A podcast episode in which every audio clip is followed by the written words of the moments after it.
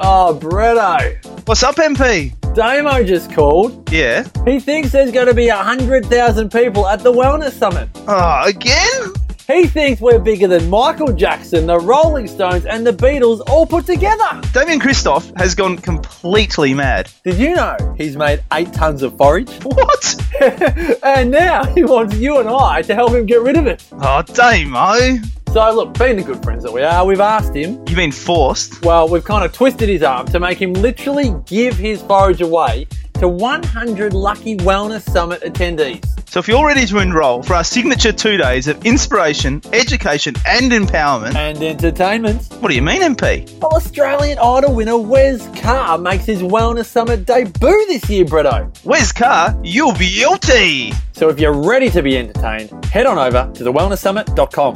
And get four value bags of forage muesli or one bag each of paleo, muesli, bircher, and porridge when you register. Now, all you need to do is register for this two for one special, bring a buddy, bring a friend, bring a family member or a colleague, And then choose your forage selection, four muesli or four assorted, and get four bags per attendee. That's eight bags per double pass. That's almost 250 bucks of forage for free when you register for the Wellness Summit on August 25 26 at the Collingwood Town Hall in Melbourne. That's 150 serves of breakfast, almost six months of breakfast just for registering for the Wellness Summit. Well, it's first in, best dressed. These 100 tickets are only available until June 18 or until sold out. All the details of this special offer, all the topics, featured speakers, and more are over at thewellnesssummit.com. Thanks for making eight tons of forage, Damo.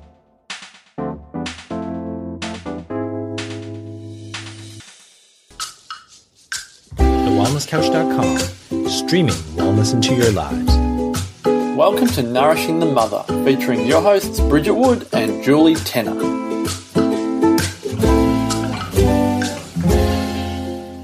And welcome to Nourishing the Mother. I'm Bridget Wood, And I'm Julie Tenner. and this week we have a special episode which is called Getting Up Close and Personal with Julie Tenner and Bridget Wood, facilitated by the wonderful Lana Sussman of the Parents Village. Welcome, Lana. Thank you. I'm so happy to be here. Oh, we're so wrapped. So we're in Melbourne and Lana's in Sydney.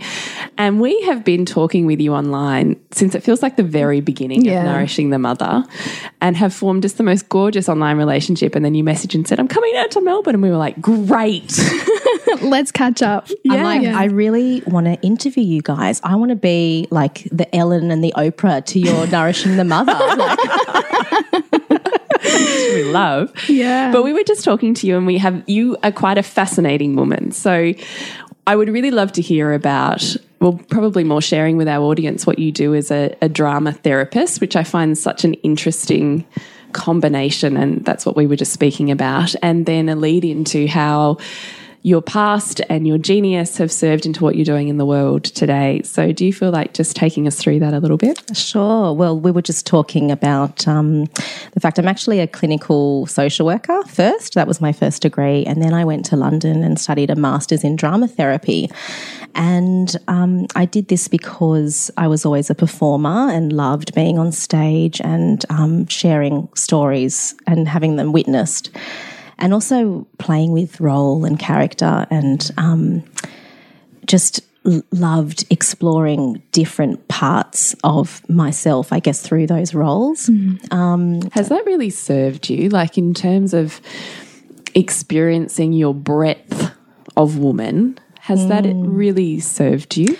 I think so. I think it's helped me um, be more embodied, I guess, and also to not be fearful of being um, different, unique, individual, or exploring a different way of being. I seem to kind of move into different roles quite comfortably, um, and I'm usually the same with everyone that I meet. So I'm not. I don't feel I have to kind of play a different role. I feel like they're just a part of me. So I think I've kind of integrated that more, I suppose. So, making more safe, you've made your authenticity safe. Yeah. And such an interesting paradox. isn't it? Yeah, yeah. So, yeah, so my journey sort of took me to the UK and I studied um, drama and movement therapy, a master's. Um, it's now called the Royal College of, uh, what's it called? The Central School of Speech and Drama, the Royal Central School of Speech and Drama. That's what it's called, um, which was kind of a misplaced course within that because it was all actors and performers, and um, and our drama therapy course was there. And um, yeah, drama therapy is really about um, look, it's a form of psychotherapy. Um, it so people who who might want to see a drama therapist would be people who are wanting therapy, wanting to explore and process something that they're going through. But it's about um, it's a really safe technique where you can really enter a deep part of yourself without having to feel too much like yourself, for example. So we use a lot of metaphor, a lot of um, imagination, creativity. Um, we use a lot of different props, um, and it's Story. story and myth. Yeah, it's really wonderful. It's a really fun space, and it's all about play as well. Really being playful. Um, and, and letting go and, and, and exploring and seeing what comes. And, and you don't have to be you or your version of you. You can explore what that means. And I think that's so healthy. And how do you think, or why do you think it's powerful as opposed to a talking therapy that keeps you in your mind? Why is it powerful to come down into your body, which is essentially what you do through this process? I just think the body is just so forgotten, and I, I know it's something you guys talk about a lot, which I love. Um, it's a real, it's so much a part of who we are, and speaks to us. And you know, a lot of the the um, research out there about trauma now is all about how actually trauma is stored in our cells in our body, um, and um, particularly with trauma, it can be so releasing to use the body. Um, but something else, I guess, is also just that you know um, there's not often words to describe a feeling that you have. Um, and I think when you are using the body, the body um, puts emotion into motion.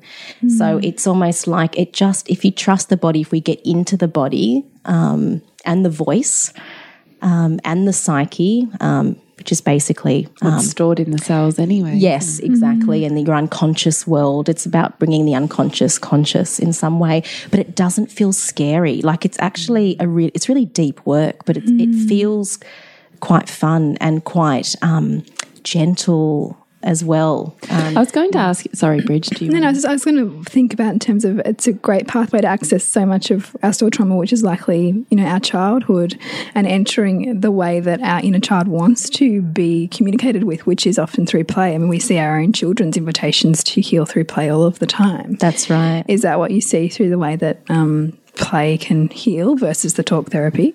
Yeah, yeah. It's just it just enters a completely different realm, and in that way that you probably do see your children going into that space where they're learning, they're processing, they're journeying.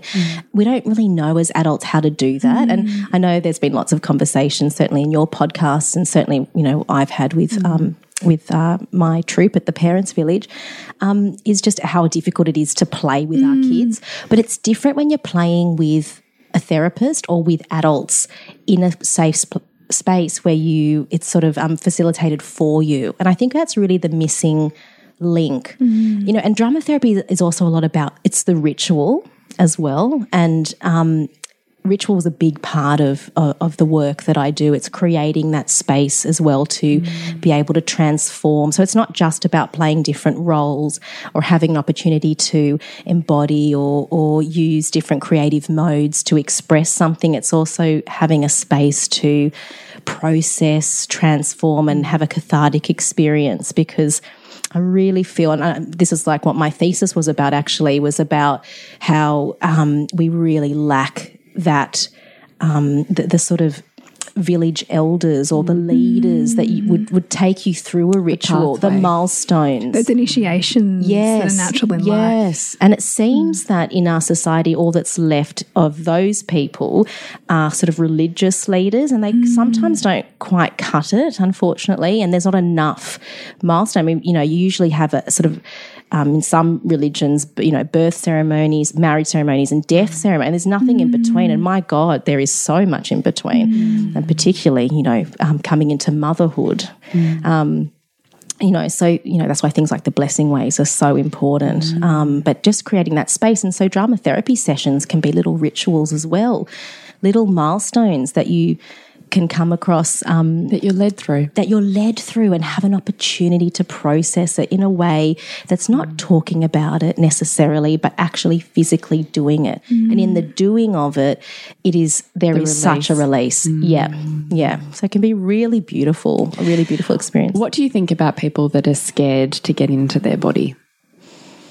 How do you think drama therapy moves them through? Is it the slowness or the ability to be in a ritual that allows them the safe passageway through? Mm, I think it's all of those things. I think it's also having that modeled for you as mm. well. I think is so powerful. Like we don't have those leaders to show us through. Like it was so normal mm. um, back in a, a, a, a very village time, village like time to have that. It was just part of life.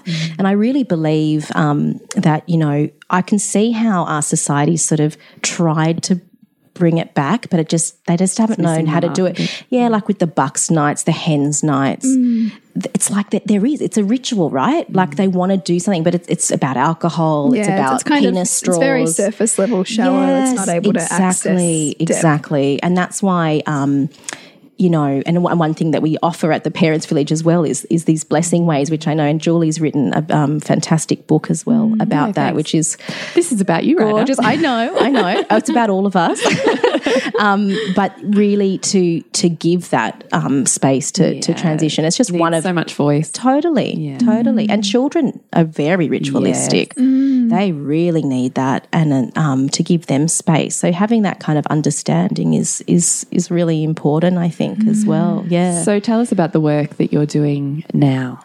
So yeah, so um, I and and uh, my partner in crime, uh, Kirsty Levin, who will be listening to this podcast, and uh, as soon as it is released, um, we started up the Parents Village, which is um, started off as a perinatal support service, but we really are servicing beyond that. So it's sort of perinatal and parenting support service. Um, Kirsty's a psychologist and a career coach, and I'm a clinical social worker and drama therapist. Um, and we provide services that support um, families, women and their partners and, and families, um, really uh, pre-natally and and beyond. So um, we provide, uh, we do a birthing the parent course because we really felt there was such a gap. Everything was so birth focused, Yeah. and you know we were sort of tired of hearing people say, "Why didn't people tell us it was so hard?" And we would love what we aim to do and what I feel we do do is really empower and let really let people like it's sort of like you know one you know parenting 101 that kind of the transition 101 like let's just go in there with you show you tell you all the little secrets and hints and tips so you feel empowered. So you have the toolkit without so you have the scramble. toolkit. Exactly. And i think that really you know when you feel prepared when you have education i think you're so much better off. Um, so you know we do that and um, you know i provide counseling to individuals to couples to i do um, therapy with kids. Kirsty does um, careers coaching and counselling, um, which is fantastic because particularly motherhood, as you guys know, um, really Shakes it up. Shakes it up, and so many um, mums. But she does support a lot of dads too. Actually, think I, I can't do this anymore. Like, so, it doesn't feel right. I'm different. Things are different. I can't sustain this anymore. But what can I do? And, and Kirsty's just fantastic at really helping them get onto a different path. Um, really find out what what are their you know um, what their values are and and how they can sort of move forward in a different way. So why the parents' village? Well, you know, the old saying, and we say it takes a village to raise a parent, actually, because we're really about supporting the parents. Dead set true. Dead set true. And I think um, it started because, you know, actually Kirsty rocked up at my doorstep when I had my daughter because she's So got- you were already friends? we were friend. Her brother is a really close friend of mine from the past, and I- think we always sort of had girl crushes on each other, and um, always like, you know, how's your sister? You know, um, and then when I had um, my daughter, I think uh, my friend must have said to him, said to her, you know, maybe just go and knock on Lana's door to see how she's doing, because I must. I think it was at that four month mark, you know, when you're sort of the sleep regression And the hormones Oh my god! off. Yeah, and I think I was just sort of like a bit, you know, catatonic. Yeah, Yeah. She just rocked up at my door. She goes, "I'm just going to drop these little books off," and she just said, "Look, it's really hard, isn't it?" I was like, "Yeah, it's really hard," um, but I'd always had this real um, desire to work with mothers. Like, and my first social work placement was at the Royal Hospital for Women in Sydney, and I just remember thinking, "This is just such a huge part of life." and like what space is being held for this time. Um, so I think I've always felt like really drawn to that, even way before I became a mum, like sort of talking, you know, 10 years ago. Um, so we kind of got together and yeah, I said, I picture it in my mind as this sort of dramatic Jerry Maguire type scene where it's like, who will come with me? Because like I knew that she wanted to do this work, but she was in a corporate job and I really wanted, I was, you know, my daughter was, I think about 14 months. I'm like, I just really want to get get back into a sort of juicy work again and I'd had a private practice and felt like I just I wanted to work with someone and so I was like, you know, what about if we do this together? And she's like, yeah, let's do it.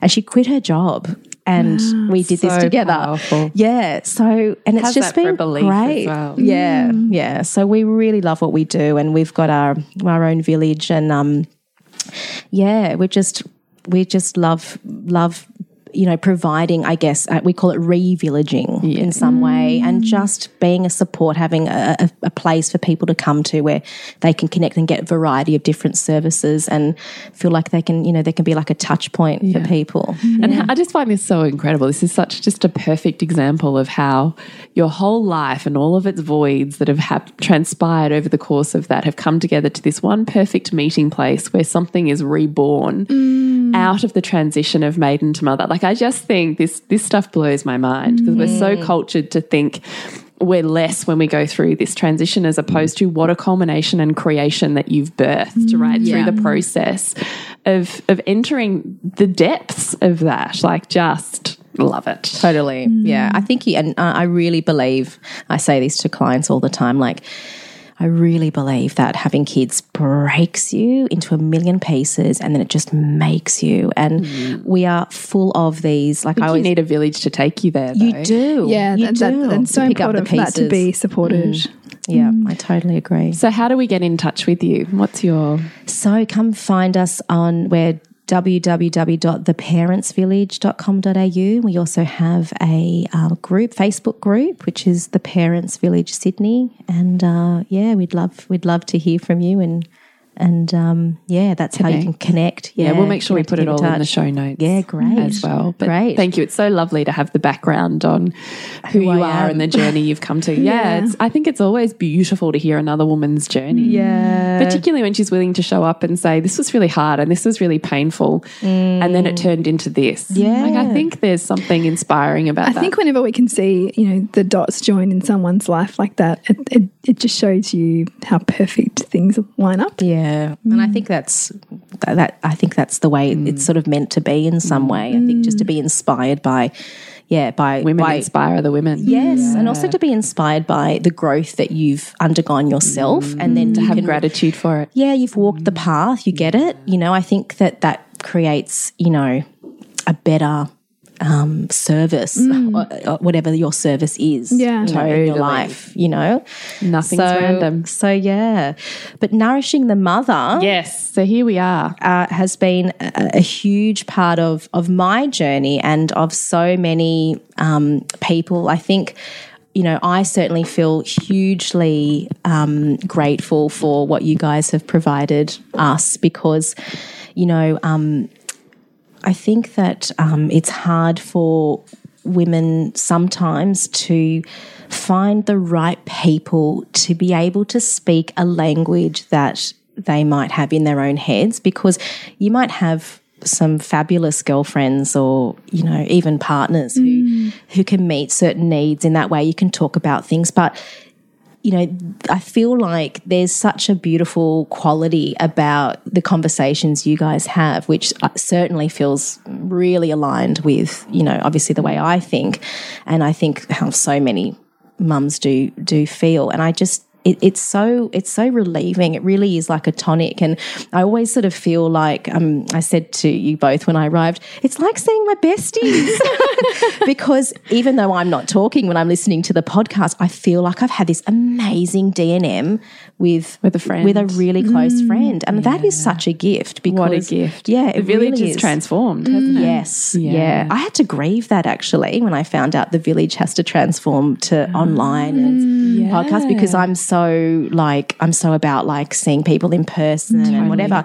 But actually, you know, even just the experience of having you guys in my life in that way, I'm like, but hey, look what nourishing the mother's done for me and for so many others. Like, yeah, and- like an all number of podcasts and online Totally. communities. Like you can't judge that. We want to say social media is bad and blah blah blah blah blah, but there's so many Yeah. benefits to it. yeah it's all about the balance and Yeah. yeah yeah what you guys bring so so yeah i just you know I guess that the what I wanted to do was just sort of go through some questions and have a chat about a little bit more about Bridget and Julie, and um, they look a bit frightened right now as they're I'm looking just- at I'm thinking it because like like because Lana's in our like, in, in our tribe um, private Facebook group and she put some put this question out to everyone. You know, like who's got some burning questions they want to ask, and I know that a few people PM'd you like, and so yeah, we just we got no idea what's coming up. Yeah. So- yes, But you have to let you. The reason I'm looking like that is because my son is playing footy at the Oval at the end of Bridget Street here, and he, I just got a call to say he's walking back up. So at some point we're going to press stop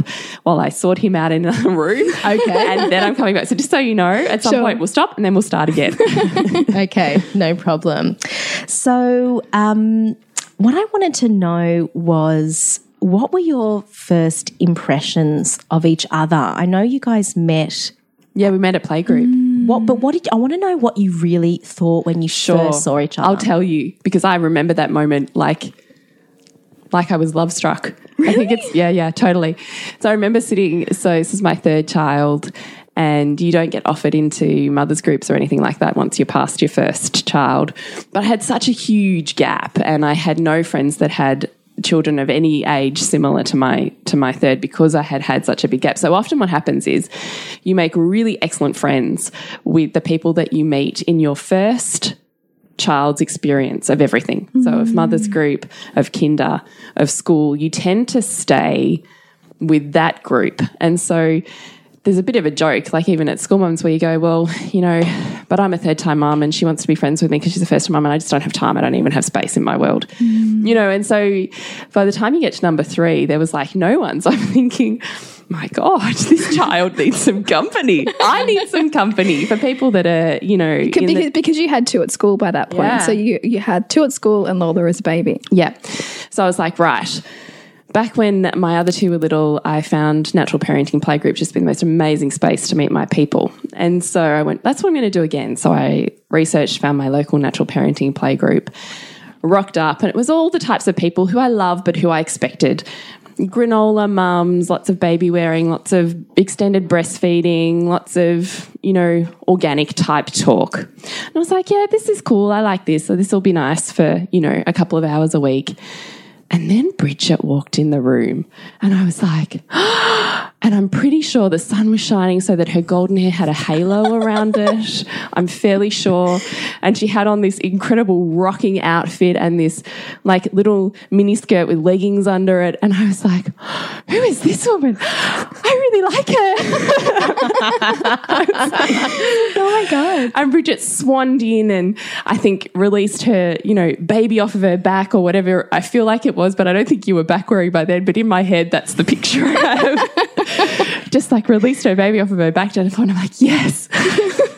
I like you so much already. Isn't that so funny? The first impressions that we form of people, Yeah, and, you yeah, know, like yeah. it just shows you how much you make up that in your mind in like ten seconds. yeah. And then you sat down next to me because I was on the floor with my baby.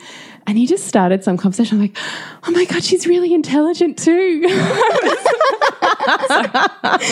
It's like a love pretty much- story. That's I love my that. first impression. I was completely and utterly infatuated. But I think there's genius to those infatuations. Mm. Mm. Yeah. There's such a heart body opening to certain people. And I don't think there's any accident in that. Well, first impressions are mm. actually really important. I think mm. Malcolm Gladwell talks about Yeah. that. Like it's the first impression that actually is Yeah, the yeah. correct one. yeah, and I think you've got mm. something ridiculous like six seconds, and people have already made up their mind. Yeah. Mm. Anyway, so that was how I first met Bridget, and then we just started seeing each other at at, at playgroup once a week.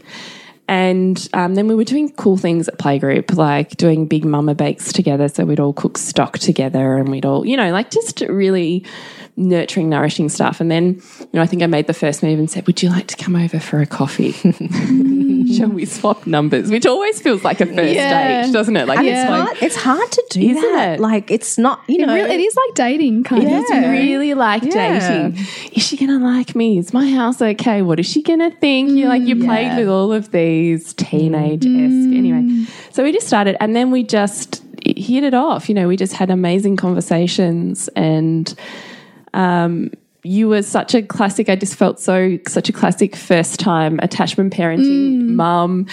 And I remember one of the first jarring moments I had with us where I thought, whoa, okay, this is this is the challenge in friendship is when I started talking about because you when you came over had to always take Hugo outside whenever he got grizzly because he wasn't happy inside and he was only ever happy outside. I don't remember that. So when he was grizzly and whingy, we had to go outside to make him happy. Ah. Really? I don't think you remember you pre-aware parenting. I don't really. but that was what and I remember gently saying, you know, about tears and and your first reaction to it was really like intense where you know I felt mm. like that defensiveness that come on my and I was mm. like that's cool but I can feel that and then I remember it must have got intense on this one but I was like you know what would happen if we just stayed inside and he got upset and you were quite affronted by it and I remember thinking oh I've you know I've crossed a line edge. here with my mm. friend you know who I really like and I want her to like me and I've just kind of offended her. That's always an awkward feeling. And then, as you do, you like go mental a thousand miles a minute as you're processing something. I remember you calling me seriously like 24 hours later and going, So I've been thinking about this.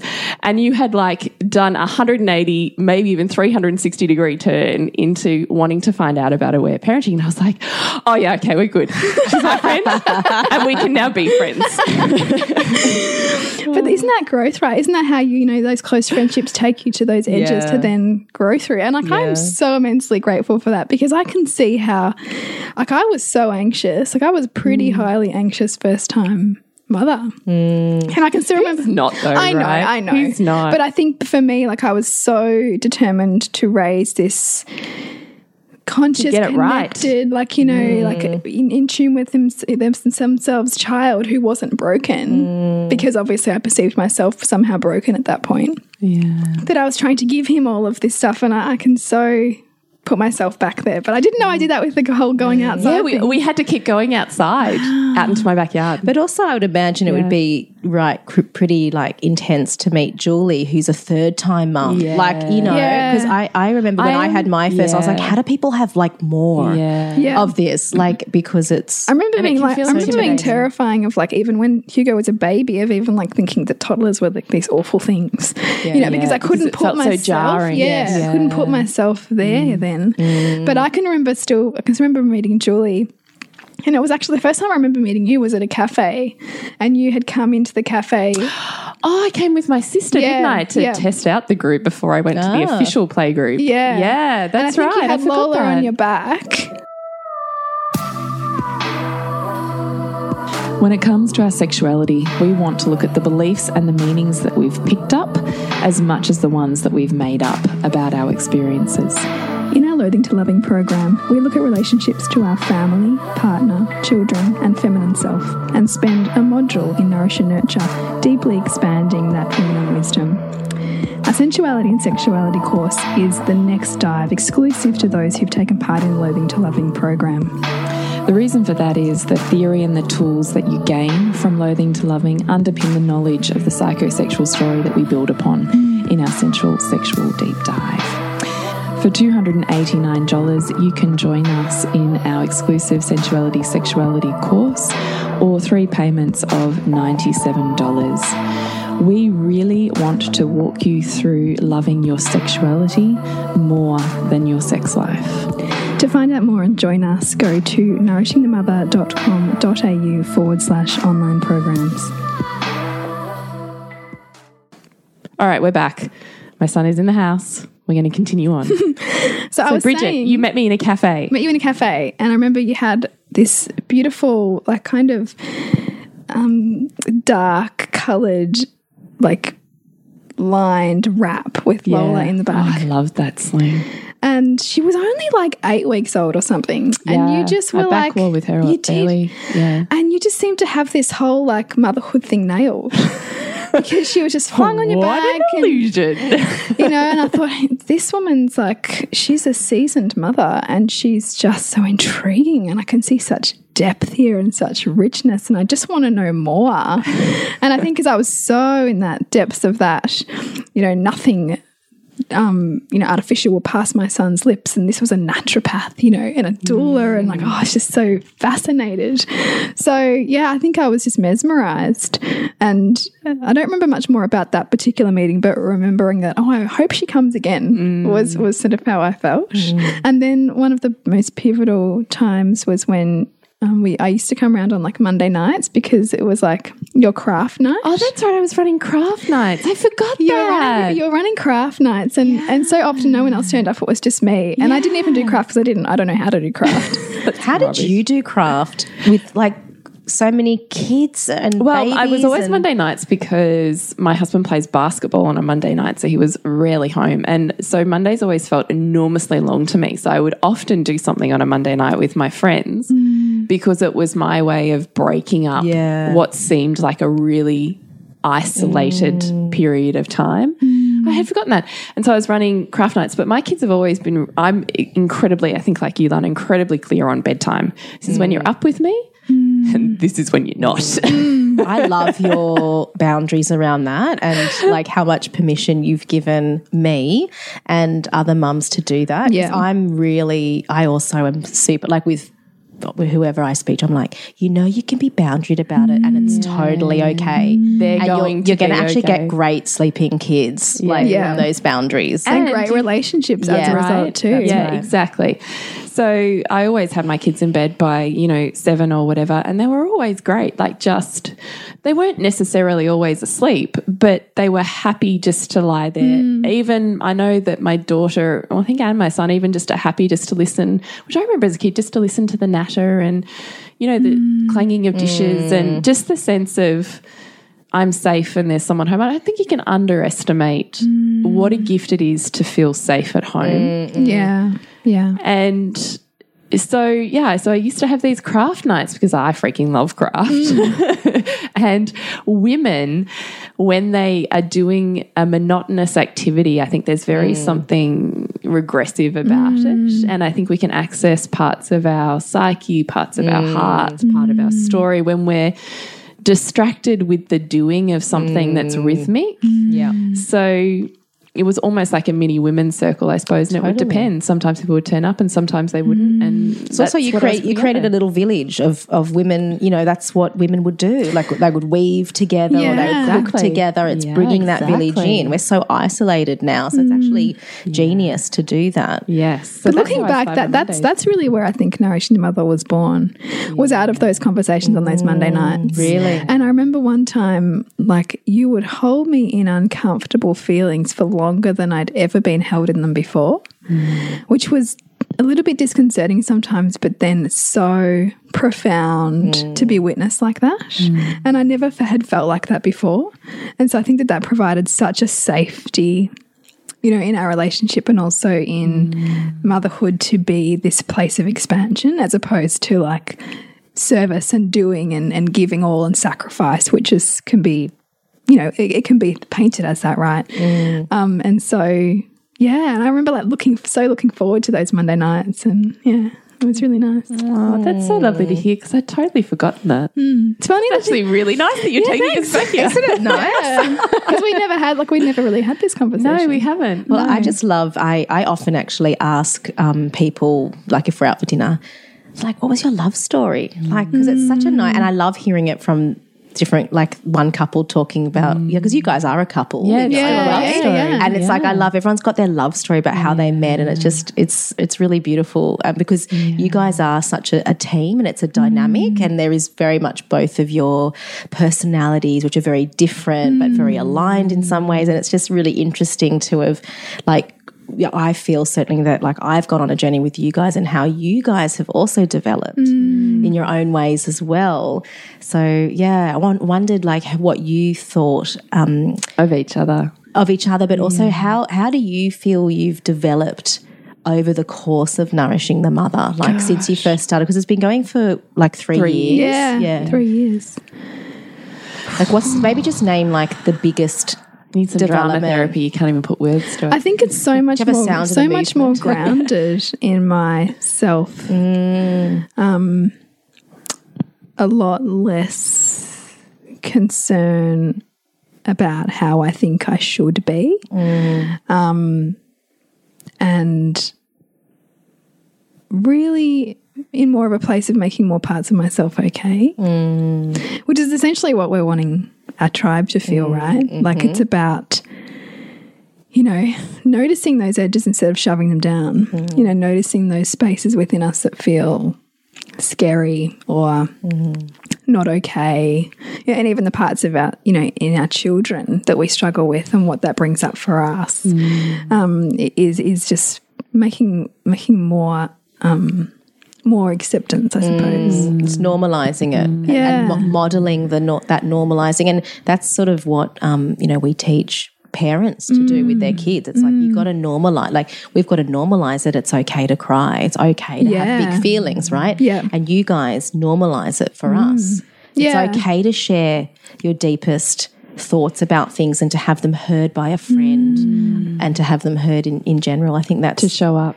yeah, like that's a to really give voice thing. to those depths and, and I think too that and, and for so many mothers who are motivated by giving the the best that they can to their children you know what pulls mothers on the journey with us is the is the truth that that to make more of those parts of yourself okay you're then giving that permission to your child That's right. you know like even yesterday um Hugo and I were looking through a box of um, old baby things, and he was flicking through his book of him that I'd made, and he started sort of crying, and, and I wasn't sure if it was about the book or about something else that we'd been working through that morning.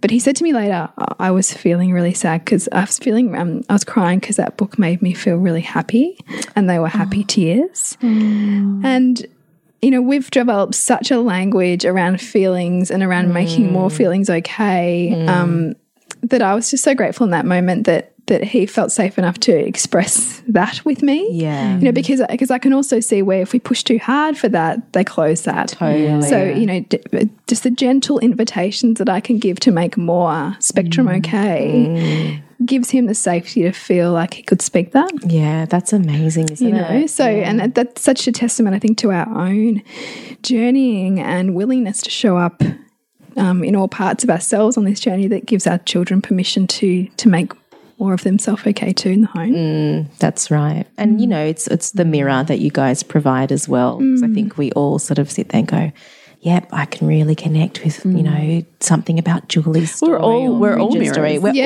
all yeah, mirrors. yeah. Yeah. yeah. There's so much nodding basically that goes on. No, totally. And you only ever see in someone or hear whatever you need to hear in order to grow in Yeah. that moment. Totally. You know, which is why you could listen to the same podcast over the course of three years and get something different out of it each time Yeah. because you are at a new evolution. Mm. Mm-hmm. I find that extraordinary. Yeah.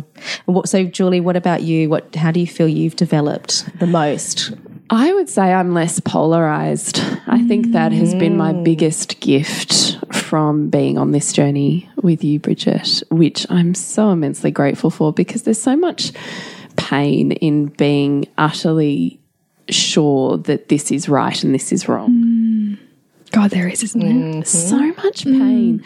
And yet we defend it with so much vigor. Mm. Whatever our position is, we defend and fight against the world in order to feel righteous.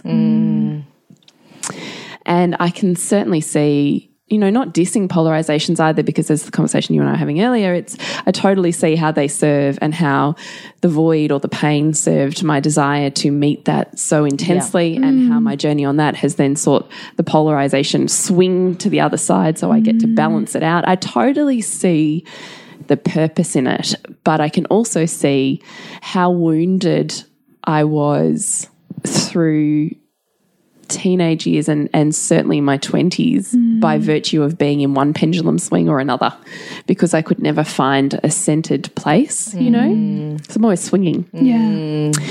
So I think the gift of my 30s and nourishing the mother has been I can make an empowered choice that feels authentic to me because I can see both sides without having to literally walk them. Yeah. That's right. and you can change your mind. Yeah. And, and and be okay with changing your Yeah. Mm-hmm. mind and not having to, you know, think who's going to judge me or what, you know, wrong or That's right, or you know, just to sit out, sit beyond that place of of right and wrong That's to right. entertain the full spectrum of, Mm. of possibility. Totally. And you can also pick and choose. Like I, I love, you know, that so- and certainly a journey I've gone on, but also through you guys as well, is it's okay to like a little bit of this and a little bit of that. You know, I don't have to be. You don't have to box yourself That's into one. right. There's some like I love aware parenting, and there's some stuff I think That's not nah, for me. That's Yeah, like, you know, yeah. Totally. like I got no problem with you know dummies and whatever else. Yeah. like I don't I don't think it's going to be a like intense thing. But I love being you know that idea of just really being with the feeling and allowing.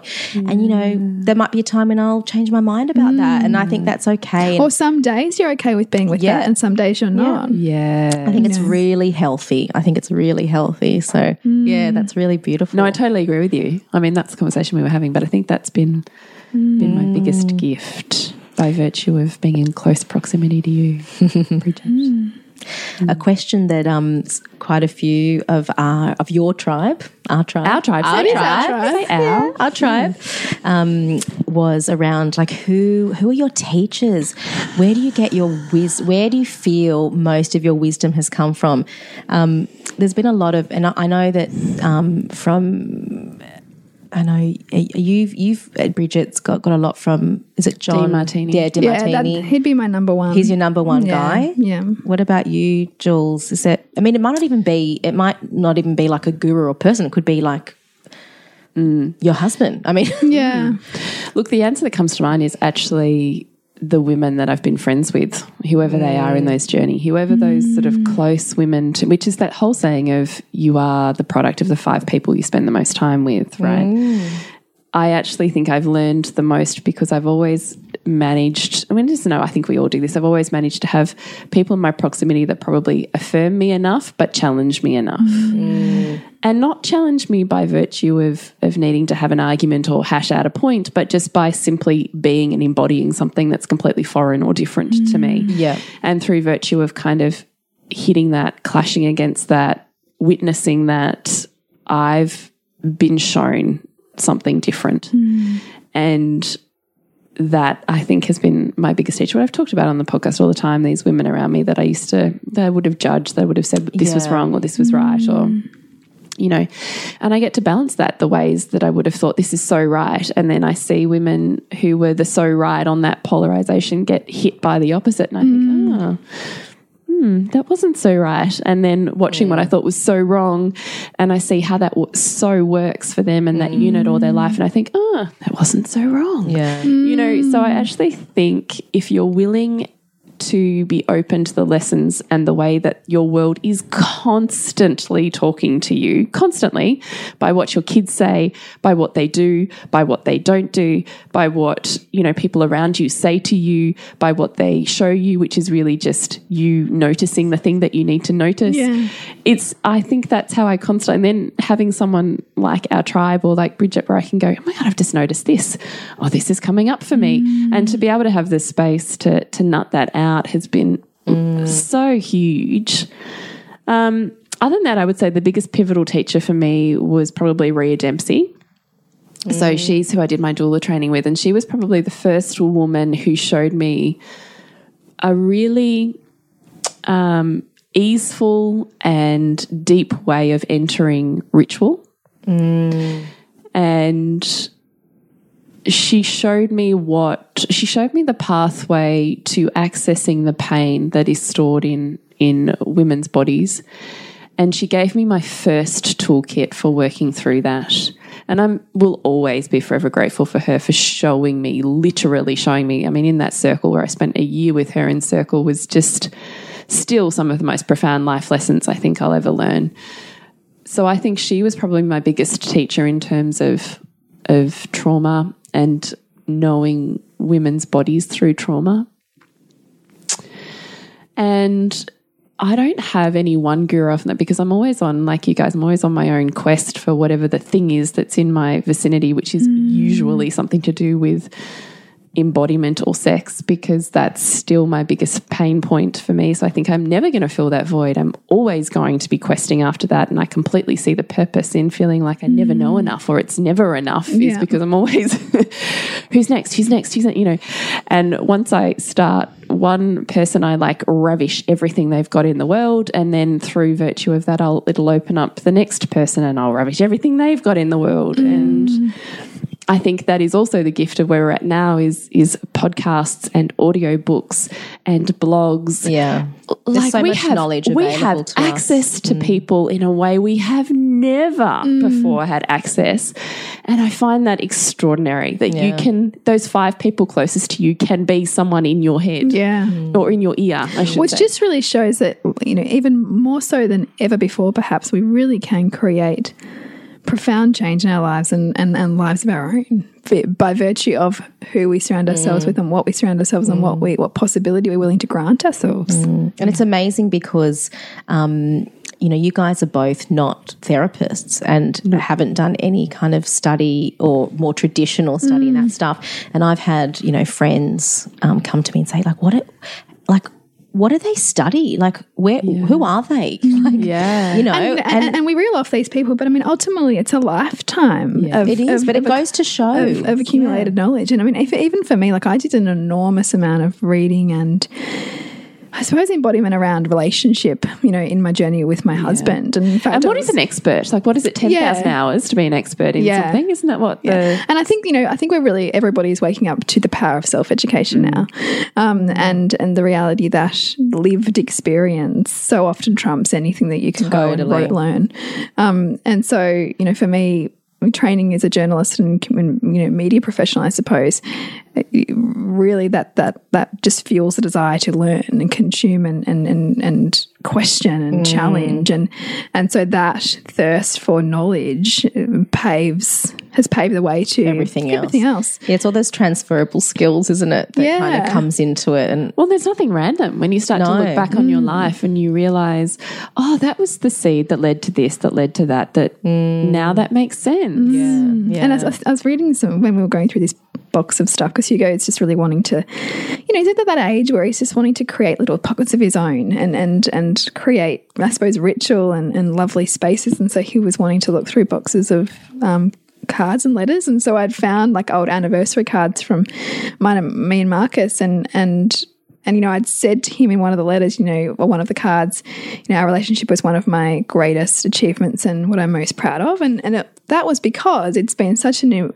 work. You know, mm. I've looked at it, I've looked to it as a teacher mm. for me. I've looked to it as not simply you know um, love but love as a lesson mm. you know and and how to keep showing up for love and what that looks like and how to intentionally grow through that and i think that even that in itself paves the way for everything else to click in Mm, you know, when you look totally. when you look to relationship to teach you like yeah. that. Well, it's like an intention, isn't it? Yeah, we can enter anything with an intention. Mm. Mm. I think I think really what's amazing is like the generosity that you both have to share your knowledge, and I think that's really really special because I guess you know usually it is sort of like this guru thing that's mm. like studied for a thousand mm. years and is able, and then now is going to impart this wisdom and it just goes to show it's actually the both the journeys that you've mm. that you've mm. gone on separately and together but it's the generosity and, and, the willingness to be able to share that that is just such a gift i think to to Thanks. all of us thank you because yeah. that's i think you know if you ask well what's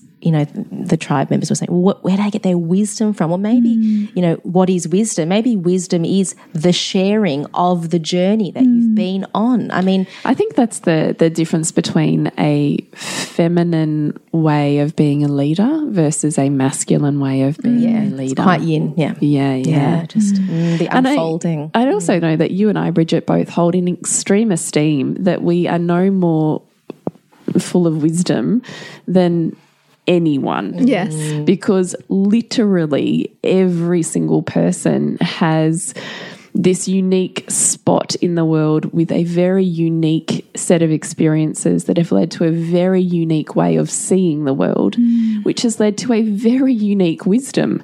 And I think the more that you get clear on your unique footprint, wisdom, and ability to serve this world, the more you have utter reverence and humility for how that exists in, everybody. literally everyone. Hmm. Yeah. yeah. There's not a single person that I meet that I think "Oh, I know more than you. Yeah. well, it's such a ridiculous notion, anyway, isn't it? When you when you realize that we have all spent lifetime, you know, our lifetimes organizing information and organizing our perceptions of the world to fit to fit a very very narrow sliver of what the world could be. So everybody has their own level of mastery or mm, wisdom in what's most important to them. And for us, it's simply this space, this journey of motherhood, this journey of conscious intention around mothering and parenting and reflection mm, and So maybe that that really is the missing the missing link is for if people are wondering, you know, like how could I be so wise? Already it's are. just you already are. You mm. just need to share it if you or not. But You've you got to see it in yourself. Yeah. I think you've got to be willing enough to show up.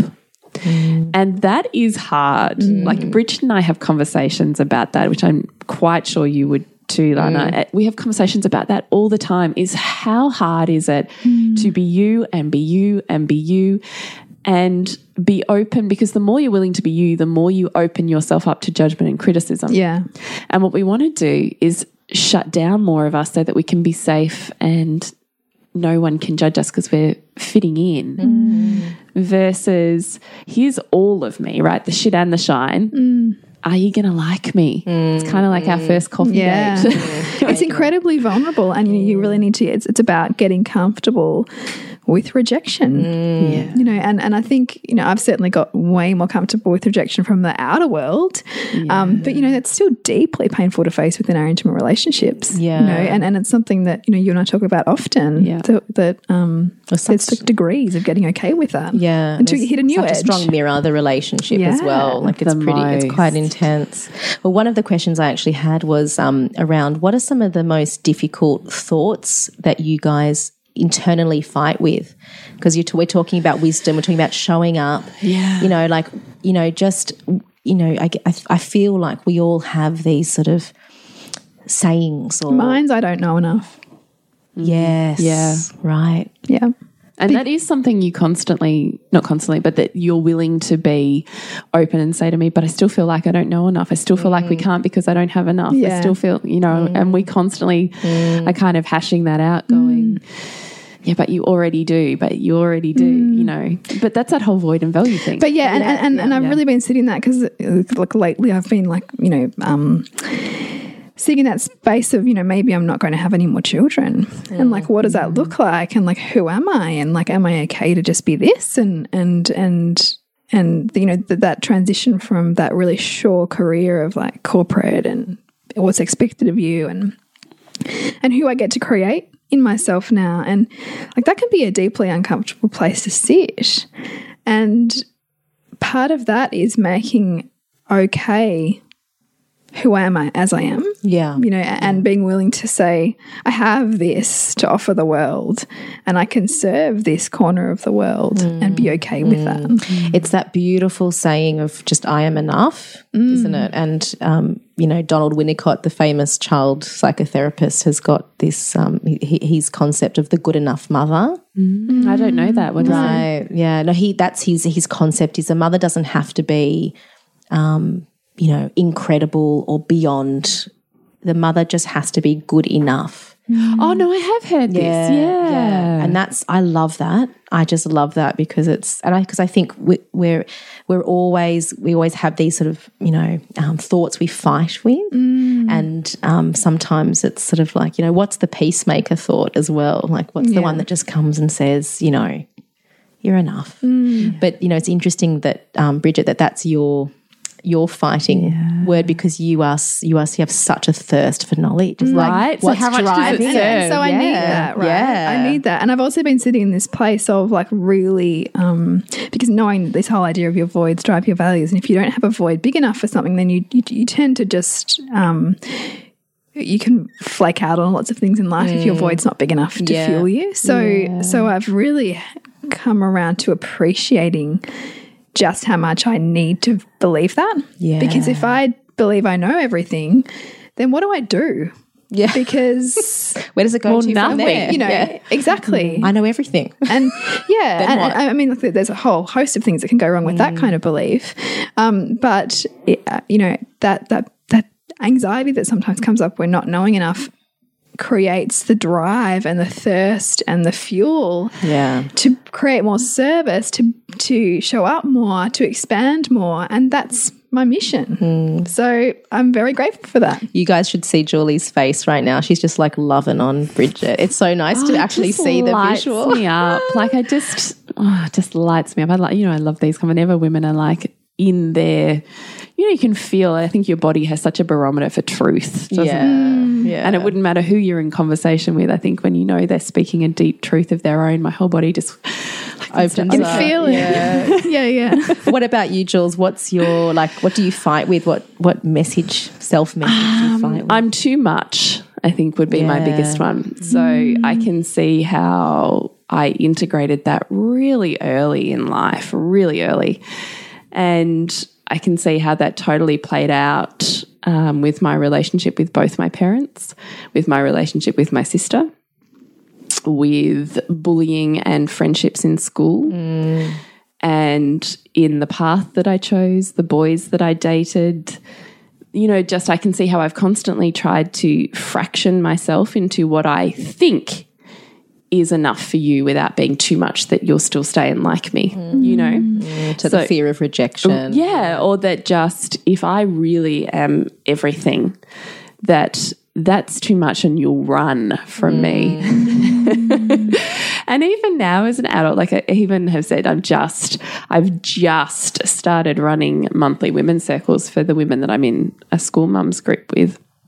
And that was freaking massive for me and still is because I'm pulling together everything that I have learned since being in circles from when I was 15 because I was that kid who was into the witchy stuff and into like my whole life I can totally see now in my 30s how it's all like clink clink clink clink clink you know coming mm. back together. But I can see how hard that is for me to really pull everything that I thought was only okay here and only okay there and mm. only in private and only with this person to really fully do all of it and go, I really honestly believe your vagina is incredibly important and your womb and your breasts and your body. And I am going to make you in this space feel that. And that's still like my heart rate is going now. That still terrifies me because it's so important for me because it is my story. Yeah. And it's the parts that I've always shut down. You know, like I can be wild and sexy here, but not there. And I can be so interested in depth. Like I can't tell you how many times I've been told uh, growing up, you're just too deep. It's just, it's too much. Wow. I can't have that conversation. Where's the small chat? Mm. Oh, I fucking hate small chat though. People don't want to do that, Julie. Yeah, right. yeah, right. and so I can see how that has completely fueled my desire to mm. to sort myself out to get mm. to the point where I'm like and what is extraordinary is now I witness all of these women who you know like Are drawn to your too muchness. right Yeah. Yeah. and who go because they want a piece of that. Yes, right. and who go, well, of course you didn't fit in because why would you want to? Yeah. You know, mm. and who I also noticed that by virtue of just me showing them more, they start to reflect more of me. Like it's the mm. craziest, like it's actually sometimes makes me go, this world is like blowing my mind to the point where these mm. women I would have judged. Even last year I would have said, oh no, I couldn't talk to them about yonis and vagina breathing and you know all of this mm. stuff. And then you know one of them posted on our our, to- our Facebook group this morning. She's like, I just feel like you penetrate my heart. And I was like, and you think you don't know Tantra?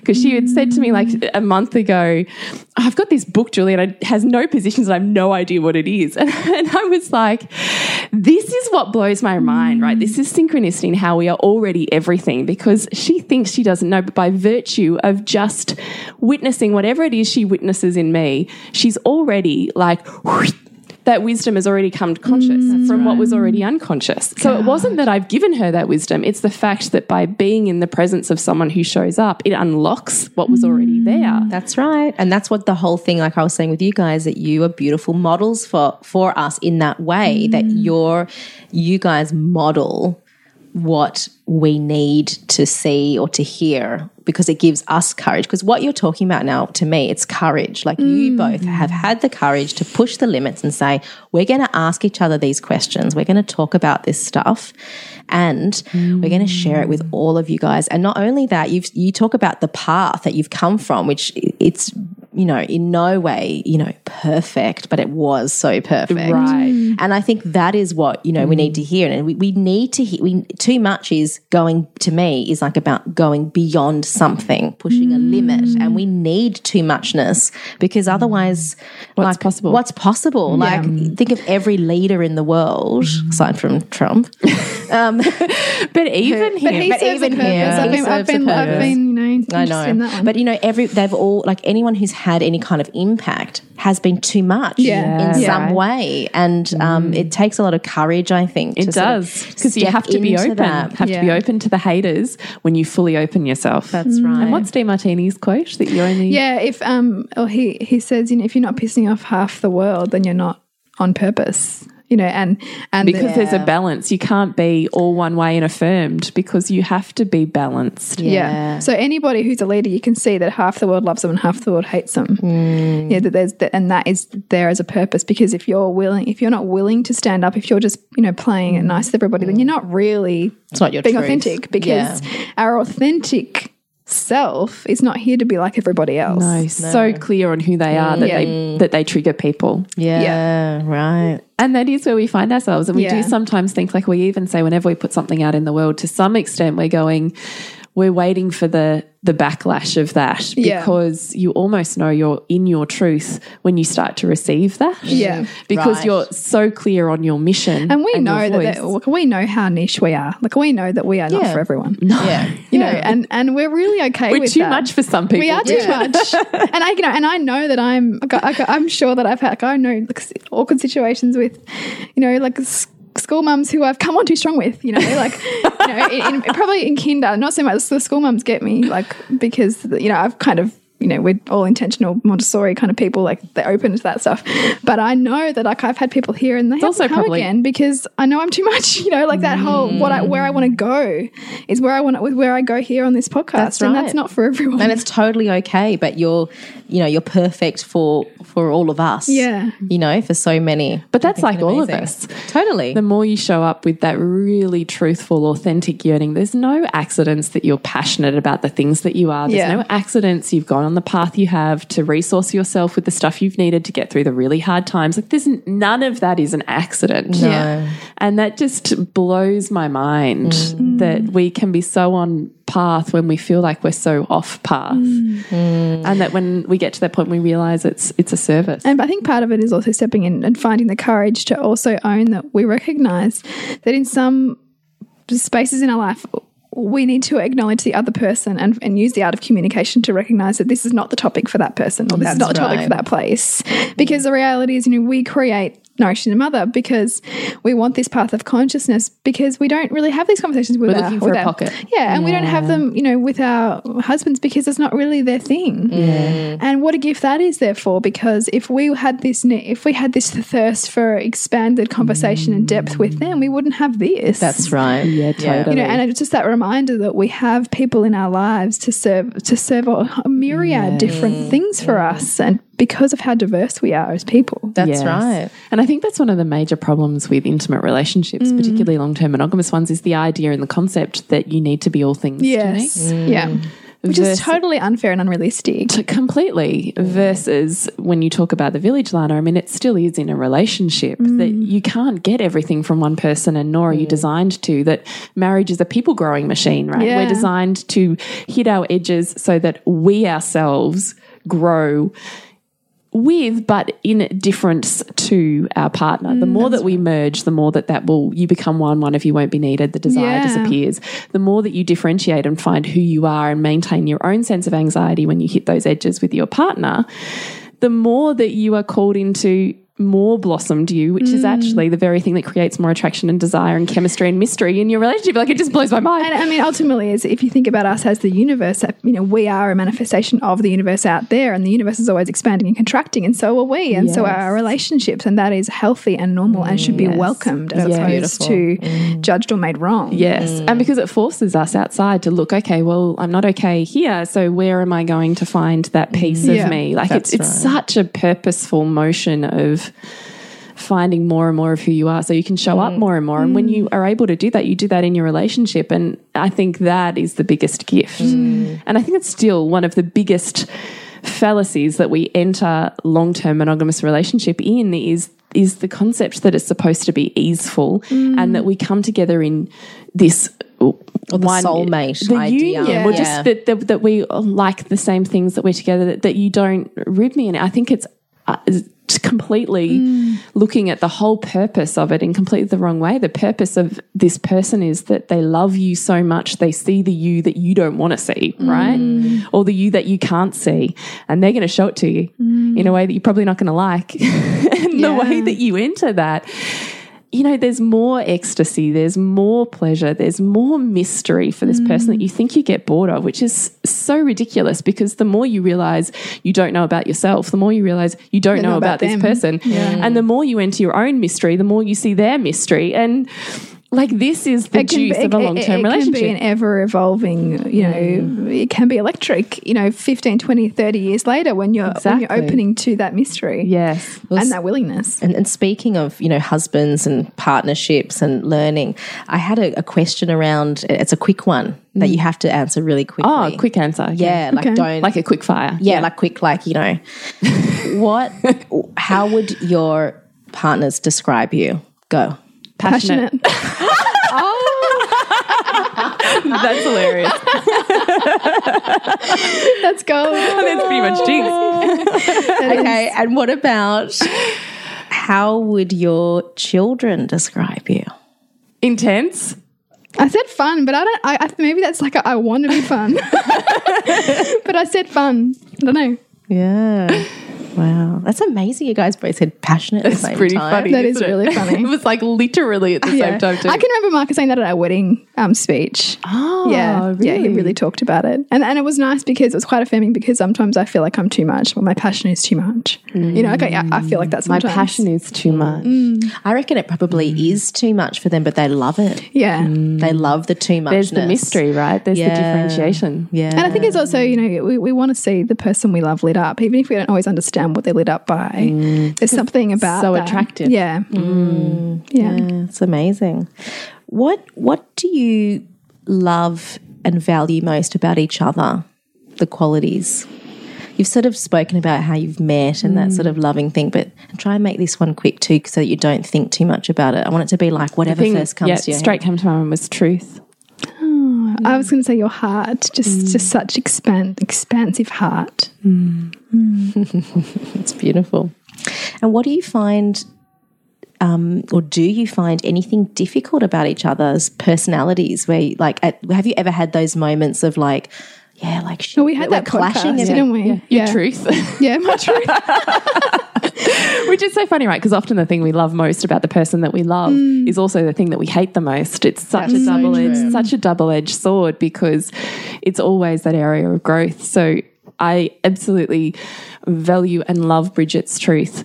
And would not for this world want to be without it. But sometimes it hurts because it forces me to grow. And I'm so mm. grateful for that. But that doesn't mean mm. you don't get the humanness of the hurt first. Mm. Not that you should take that on. That's my Yeah. stuff. But I recognize that So I don't even know what that means. Like, what do you mean by oh. truth? I don't understand that.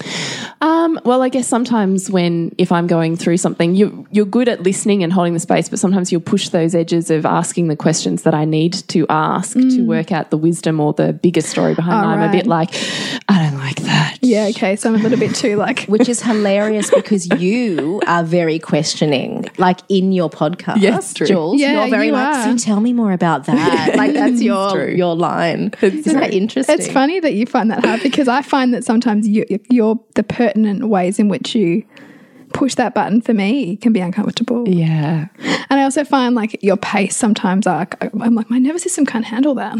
I am. Yeah, You know, I am. Yes, yes, I am. But then I also really see how that, that that's again like teaching me that I can do more and that it's about conditioning myself to find that within me. yeah, The thing that I find hard to, you know, because sometimes I go, oh, but if I, if I was that like busy or I wouldn't have space for this or I wouldn't be able to do that. But the you comparison. forced me to see that I mm. could, yeah. you know? yeah, right. But again, we hit those edges. Yeah. Yeah.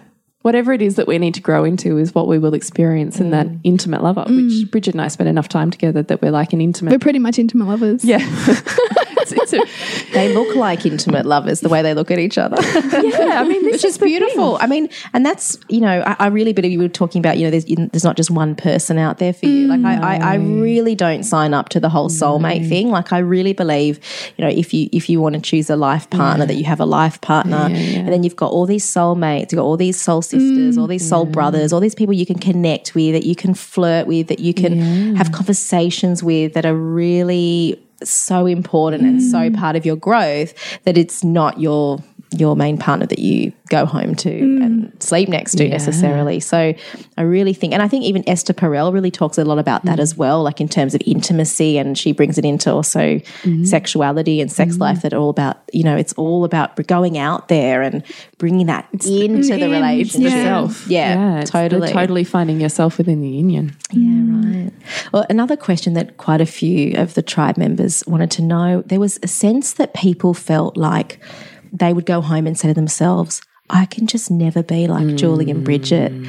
Which is really interesting for me, obviously as a therapist, because I can see how there's a you you guys would probably be really perfect um, projection boards for people because they'll listen to you guys talk and they'll be thinking, um, you know, wow, they've just got all their shit together. They're so good, It- which is surprising in some ways because you guys also do talk a lot about what, what you guys we get don't have our shit Because because we're, we're conscious of, of, I suppose, really making sure that we don't put ourselves up there on some pedestal of being expert at things. or- Yeah, no, I, I don't think you do either. But um, it's just interesting. So I guess my question is, you know, because this is really very much like a conscious parenting, conscious relationship, conscious, conscious um, Where are we unconscious? podcast. Yeah. Yeah. yeah, Where where do you, where are you unconscious, or where do you ever just have those days where you're like, I actually don't want to work through this today, and that's okay. Yep. Um, I, you know, I, I want to be unconscious today.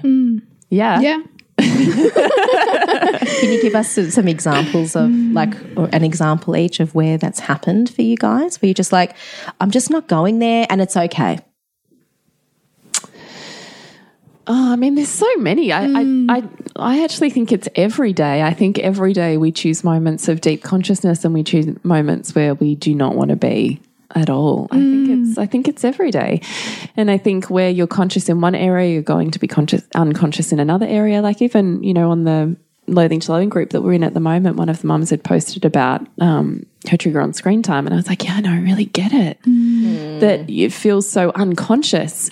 And yet here I am being incredibly conscious through a screen with you. But while I'm doing that, I'm incredibly unconscious to my Yeah. children. You know, that Yeah. there's always that balance between consciousness and unconsciousness.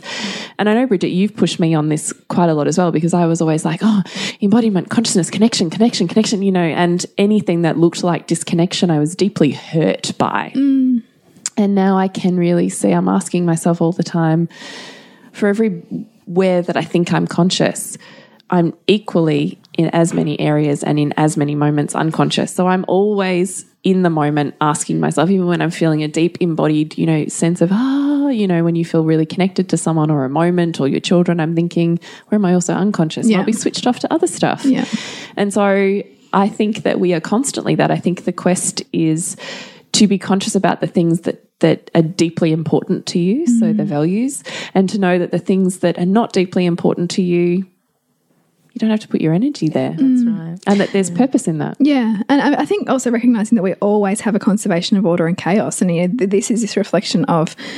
You know, you and I might have more order perhaps mm. in this intentional parenting thing or, or these intentional relationship things because they're such a high value to us. Mm. But even within that, there's going to be times where, like, you know, even this morning I was w woken up by, it's been like a days of being woken up by whingy, whiny toddler stuff. And I just don't always want to wake up to that. I don't Yeah. really want to hear it. And I'm actually quite clear with her about that. I actually don't want to pick you up right now because right now I'm going to do this. Mm. And being really congruent in that and the fact that that might not be very aware or whatever, but I'm more, it's more important that I'm authentic in those moments than trying to make myself be something that I'm not and my children feel that anyway. But I think this is the difference between looking at it as conscious versus unconscious parenting. Because I would say the the filter that now I see it through is that that is still incredibly conscious parenting because you are being conscious to the you at the center of that dynamic. Yeah, yeah. As opposed to the acquiescing and sacrificing of your own inner voice in Yeah. order to meet the dogma of the external voice on what a good mother or good enough mother is. And I think that that come this comes from having been so polarized to that. Like I remember years ago, people challenging me on because I think I'd gone to a Demartini event and I'd had as one of my um, traits that I uh, that I admired about myself was conscious parenting, and I had to collapse that and. I got drilled on it because I thought it was this best thing ever and I held it at this pinnacle.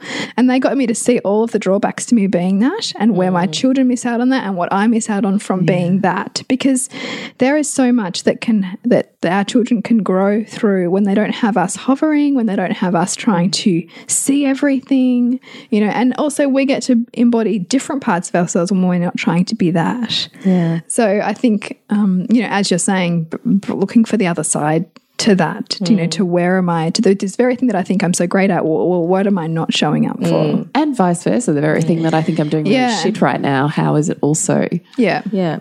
a really gift? And even just having um, that awareness of, you know, I hear so often, I wasn't the mother I wanted to be today. Mm. And it's like, well, you know, it's also about kind of collapsing that that kind of fantasy as Yeah, well. Like, yeah. yeah, like some days you're not going to be, and that's okay. Hmm. And I think I was getting real about the truth of this higher vibration thing everyone's talking about. You vibrate higher the more you can see both sides of something and the quickest you can see both sides of Right. something. That is when you're vibrating higher. It's not when you're just positive, you know, ecstasy. That's not that that's that's yeah. that's a you know waiting for a fall. Yeah. And so so I think that, that that's sort of what we try to embody too. Is hmm. is I mean we never can. We're human, right? We're we're, we're designed hmm, to hmm, experience you know the the roller coasters and the, Yeah. the the highs and lows. But the more that we can bring presence to the two sides of life, the more aligned we can be, I think. Mm, yeah. So, what have you guys found the most nourishing about nourishing the mother? Personally, nourishing. truth. Yeah, Here we go. truth. It's my theme word. It's the truth, and I think it's the that shared space to be heard and held and be part of something much bigger than ourselves.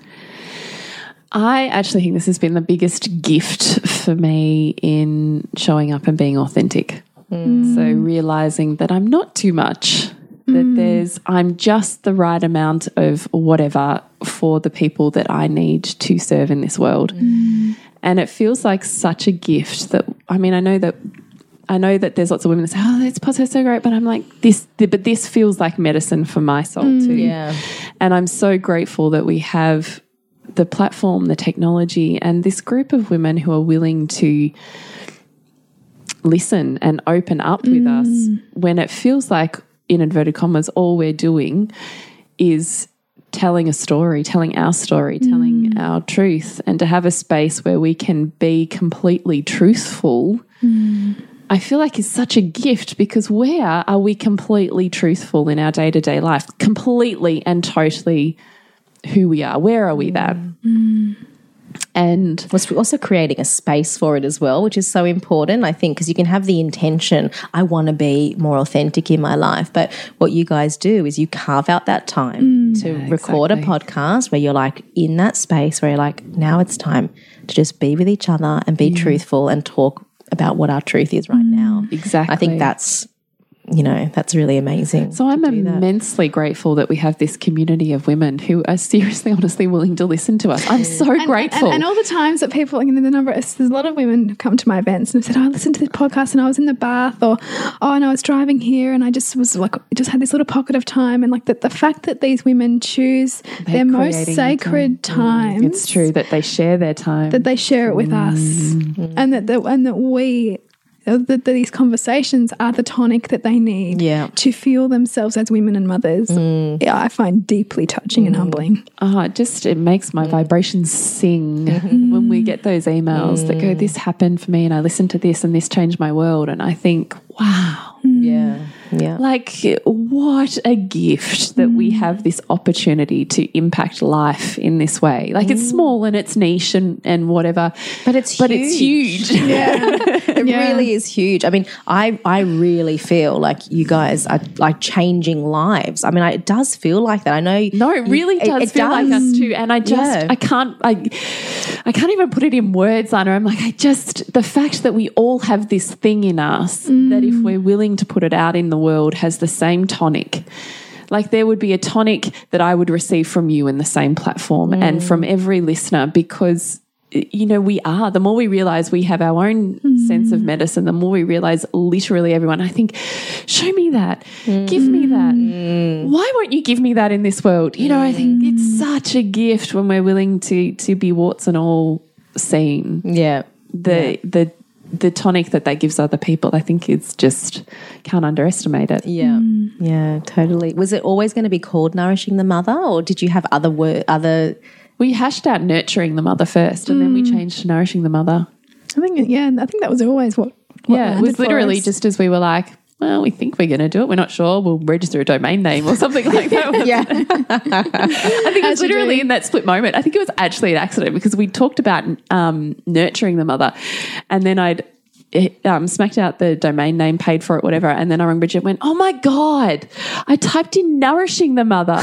really? yeah, yeah. What about that? yeah. And you were like, "Oh, that's perfect." Anyway, I'm like, "Yeah, it is." All right. good. We're, we're good. It's just interesting to to see the journey there. I know Kirsty and I also we were going to call ourselves Mums in Focus, and we totally like. I've even got like a file, like an old old files with like Mums in Focus, and we just changed that because we really want it to be about village, Inclusive inclusive, about dads, about you know. Um, yeah, so, and you know, you guys always ask um, others when you interview them, you know, what what books have been, what most books are your pivotal. Bibles? Yeah, mm, what books?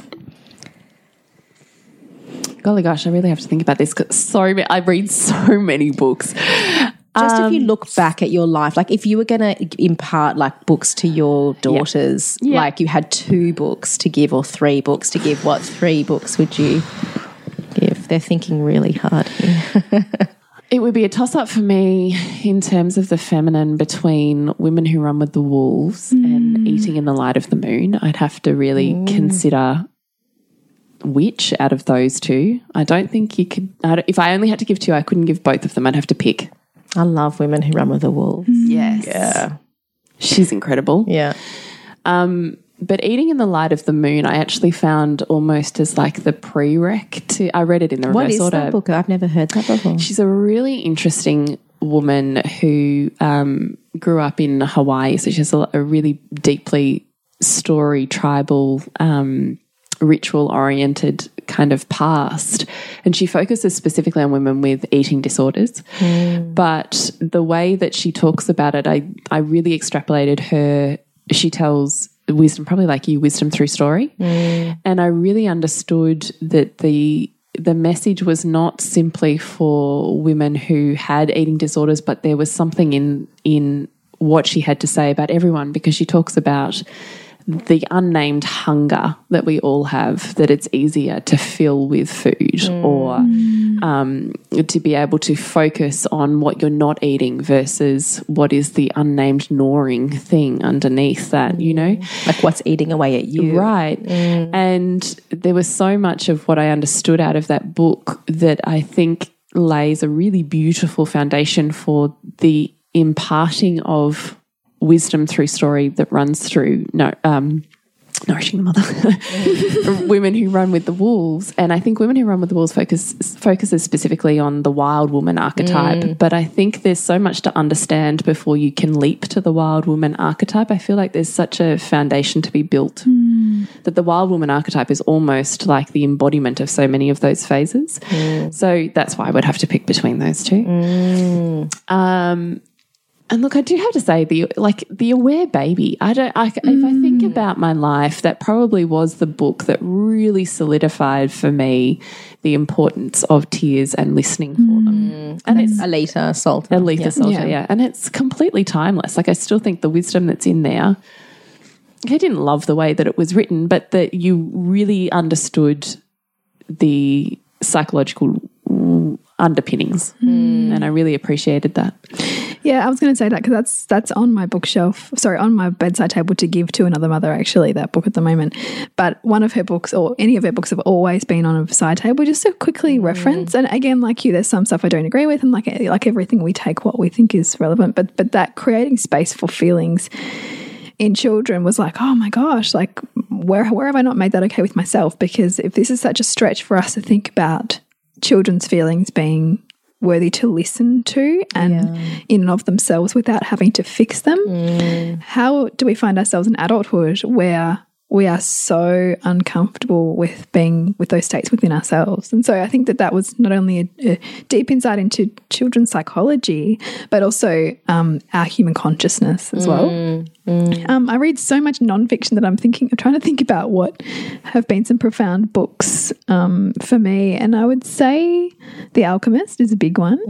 Um, I, think love there's just so much wisdom in that book. And I, you think you could read and reread it and get something. Beautiful symbols in that. Yeah. He What about values? Surely you couldn't go past Demartini's values. Yeah, and the values factor with Demartini. I mean, for, for me, I, I would say um, the experiences of, of doing his work have probably been the most life altering in terms of that's a paradigm book. shifting. Yeah. But I also recognize that so much of the reading and the depth of reading that I've done over decades has paved the way to be able to be open to those mm, concepts, mm. which is essentially a synthesis of, you know, all of the best writing in the world. Yeah, it's not it's mm. not just him; it's it's him synthesizing everybody. Yeah. Um, and that's also led me on a path to to read some of the works of Emerson and you know some of the bit the prolific writers of history, and and they're incredibly heavy, but there might be one or two sentences which might jump out and me go. I get that now. I get what that means. Yeah. And like like you and I, like we you know we can we can latch onto popular authors who we think are um, you know, so profound, and then we go, oh, but that idea came from that, which is actually, you know, the Tao. I was literally just we were having we've been You having this conversation a lot as we get ready for our next course and we're like pulling together everything that we want to put in it. I was saying to Bridget, "Oh my god, I just have realized I, I honestly think I've read about 20 books in the last two months. And I just, the more you read, and particularly when you start to really dive back into, uh, you know, further human history and the evolution of, of mm, religions and, you know, yoga and all the rest of this, the more I go, wow, this person who I thought was like the guru of the 20th century, I realize it's from here and it's from here and it's from here and it's from here. And it makes you really balance that pedestal. And I actually love that. and to hear the and to actually see the illustration of ideas in transformation also makes you realize that that, that that anybody we hold up as being holding of truth is an illusion Yes. because every truth is, is is a truth until it becomes an illusion based on new learning and and so much of society is organized on illusions that it will eventually be proven to be mm. wrong Or projection. right? or projection Yeah.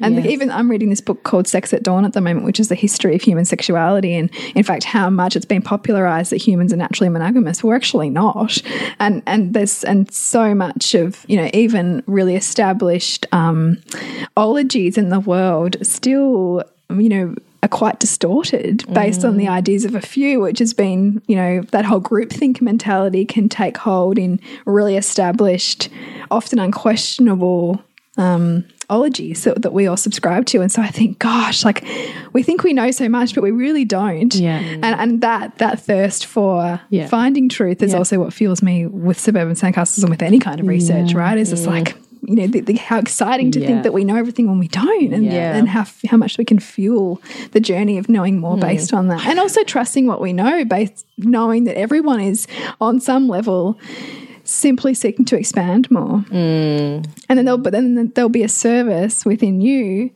for somebody else based on the expansion that you're at right now. Mm. And that being okay. And also the timing, I think books come into your life kind of like how mm, people and relationships. It's like the right, it's either the right time Yeah. or not the right time. Yeah. And sometimes it's just what you needed. And sometimes mm-hmm. it's like, I don't know why everyone's going on about this book. It's not for Yeah. me. you Yeah. know? I think it sort of sometimes can really partner a particular journey you're going on and, and help you and you know mm. help create a bit of space to kind of like just lean into it a little bit and mm. yeah no that's really interesting I feel so triggered by that whole polygamy thing. I'm fucking over that shit. polygamy. Yeah.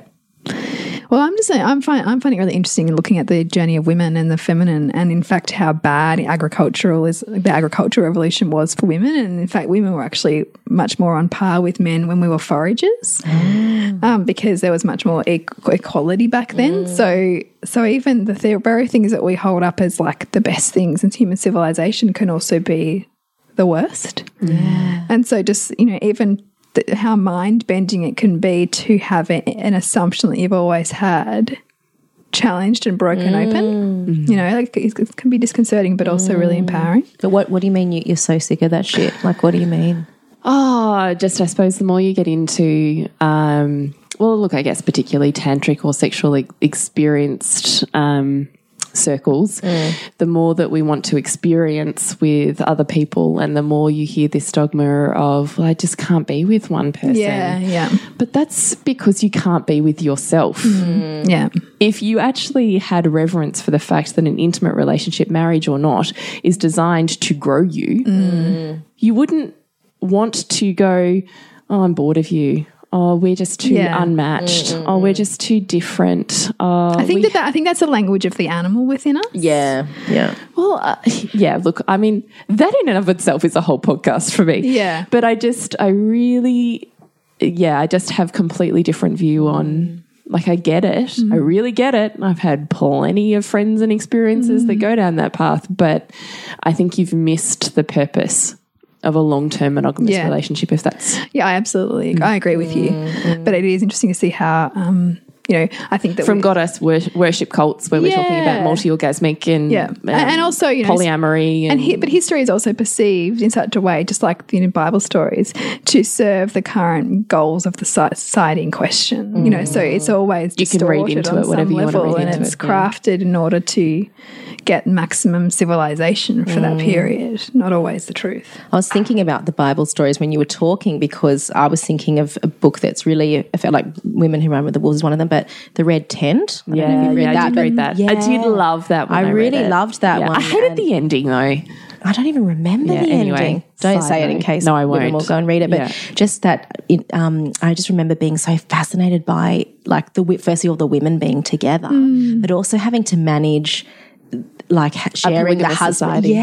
And like I'd never sort of was like, wow, that is like Yeah. so interesting. how Yes. but that sounds like another whole podcast Yeah, that you guys think. Maybe that's one Can because there's been a lot of stuff in this book I've been reading that I've thought, wow, like whatever what you know, what is okay in one society or in one era can morph and transform and be absolute taboo in another. Mm. Um, Well, maybe it's also just more about it's like the language. Like it doesn't have to be like we don't have to physically be in multiple sexual relationships, but it's actually like it's like that fantasy thing, or like bringing in um, multiple other dimensions Yeah. or aspects or passions or connections into and translate that into what we you know our, our modern time i guess most popular way of being in a relationship which is the being in one one long-term relationship ev- eventually It's totally range, right? I mean, John Wineland talks about this. It's range. How much range are you willing to show your partner? Mm. How much range do you make safe for yourself? Yes. Yeah. Mm. You know, can you only be this here and that there? And mm. you're anticipating someone else's needs without knowing them. So you're only playing to that, what you, th- mm-hmm. yeah. to which you think versus, you know, like this. So, and this is the whole purpose of relationship being people growing because all of that forces you into growth if you're willing to stay there for it. Mm. I think if we entered relationship thinking, I will learn more about myself here and I hold that in esteem, mm. that relationship would go very differently. Yeah. Because, Yeah. like we said in that other podcast, there's nothing wrong with your relationship. Everybody has relationship issues and sex or sexual issues. Literally, everybody has something mm. or multiple things. And the fact that that is normal and on purpose, not off purpose, Yeah. I think is the, the part that's missing from that Yeah. conversation. Yeah. Mm. It's a belief and intention with which you take into something too. Yes. You know, like what are you expecting it to be? If you're expecting it to be always supportive and it, then you're set up to fail, essentially. Anyway, we totally digressed, have, but I was have. just like got a rush when you were talking about. Something. I think that's going to be. I can feel a podcast coming on. I'm the birthing of a podcast right now. Um, I, my final question is the final question you also ask people when you interview them about the billboard. billboard. The billboard quote. Thought I'd throw it back at you. Oh, God. it's a hard one. It is actually a hard one. Um, I like you're always in the right place at the right time. Mm. That's my favorite one. It's all you. Mm. show up with your full heart. Mm. That's lovely. I Amen, that. sisters. Yeah, to all of them, right? Lana, thank you so much for Yeah, making the enormous journey down and spending such precious time with us as well. Oh, We're it's so such a pleasure. You guys are very special to me and very special to, I know, all of the members of the tribe. Thank you. And thank you for everything that you, you give us and you give the the world. thanks, Lana. To- You yeah, so we, we need you Yeah, guys. We need you guys here and um We need every. We need every Yeah, you need us. Yeah, totally. yeah, right. yeah, yeah. So It's such an interlinked world. So I just think the more you show up, the you know, the greater that expansion becomes, which is exactly what you're doing with the Yeah. Parents Village, yes. which we so celebrate as well. yeah, Yeah. that's right. So thank you. Thanks, Lana. We so hope you enjoyed that interview and chat that we had with Lana. And it was a big one, that one, but um, I hope it gave you more insight into our world and how important it is for us to create this space for you. So if you want to connect with us, it is nourishingthemother.com.au and Nourishing the Mother on Facebook and Instagram. Connect with Julie at thepleasurenutritionist.com and with me, suburbansandcastles.com. Remember to nourish the mother to rock the family, and we'll see you next week when we continue to peel back the layers on your mothering journey. This year, the Wellness Summit returns. For those of you on your own health journey, you know that a lot of times it's two steps forward, one step back, and you think you're doing well, and then something else pops up. It's like um, always, you're always learning. It's just a, it's not something that just happens overnight and suddenly you're well. If I actually had been so wrong about this really important thing in my life, what else was I wrong about? And it got me down this, uh, this place of questioning all the concepts that I had. And then I came to one question, which was, who am I beyond concept? When I was a little kid, I really always had trouble with food intolerances. I realised that there was a lot to be said for the way you eat. You come to the same place that I came to, and it's a place of complete freedom. Joe Witten and Fuad Kassab feature at the 2018 Wellness Summit. Bigger and better than ever. Tickets on sale Friday, May 4 at thewellnesssummit.com. This has been a production of TheWellnessCouch.com. Check us out on Facebook and join in the conversation on Facebook.com forward slash The Wellness Couch. Subscribe to each show on iTunes and check us out on Twitter. The Wellness Couch, streaming wellness into your lives. Whilst the Wellness Couch presenter endeavor to provide accurate and helpful information to their listeners, these podcasts cannot take into account individual circumstances and are not intended to be a substitute for health and medical advice from a qualified health professional. You should always seek the advice of a qualified health professional before acting on any of the information provided by any of the Wellness Couch podcasts.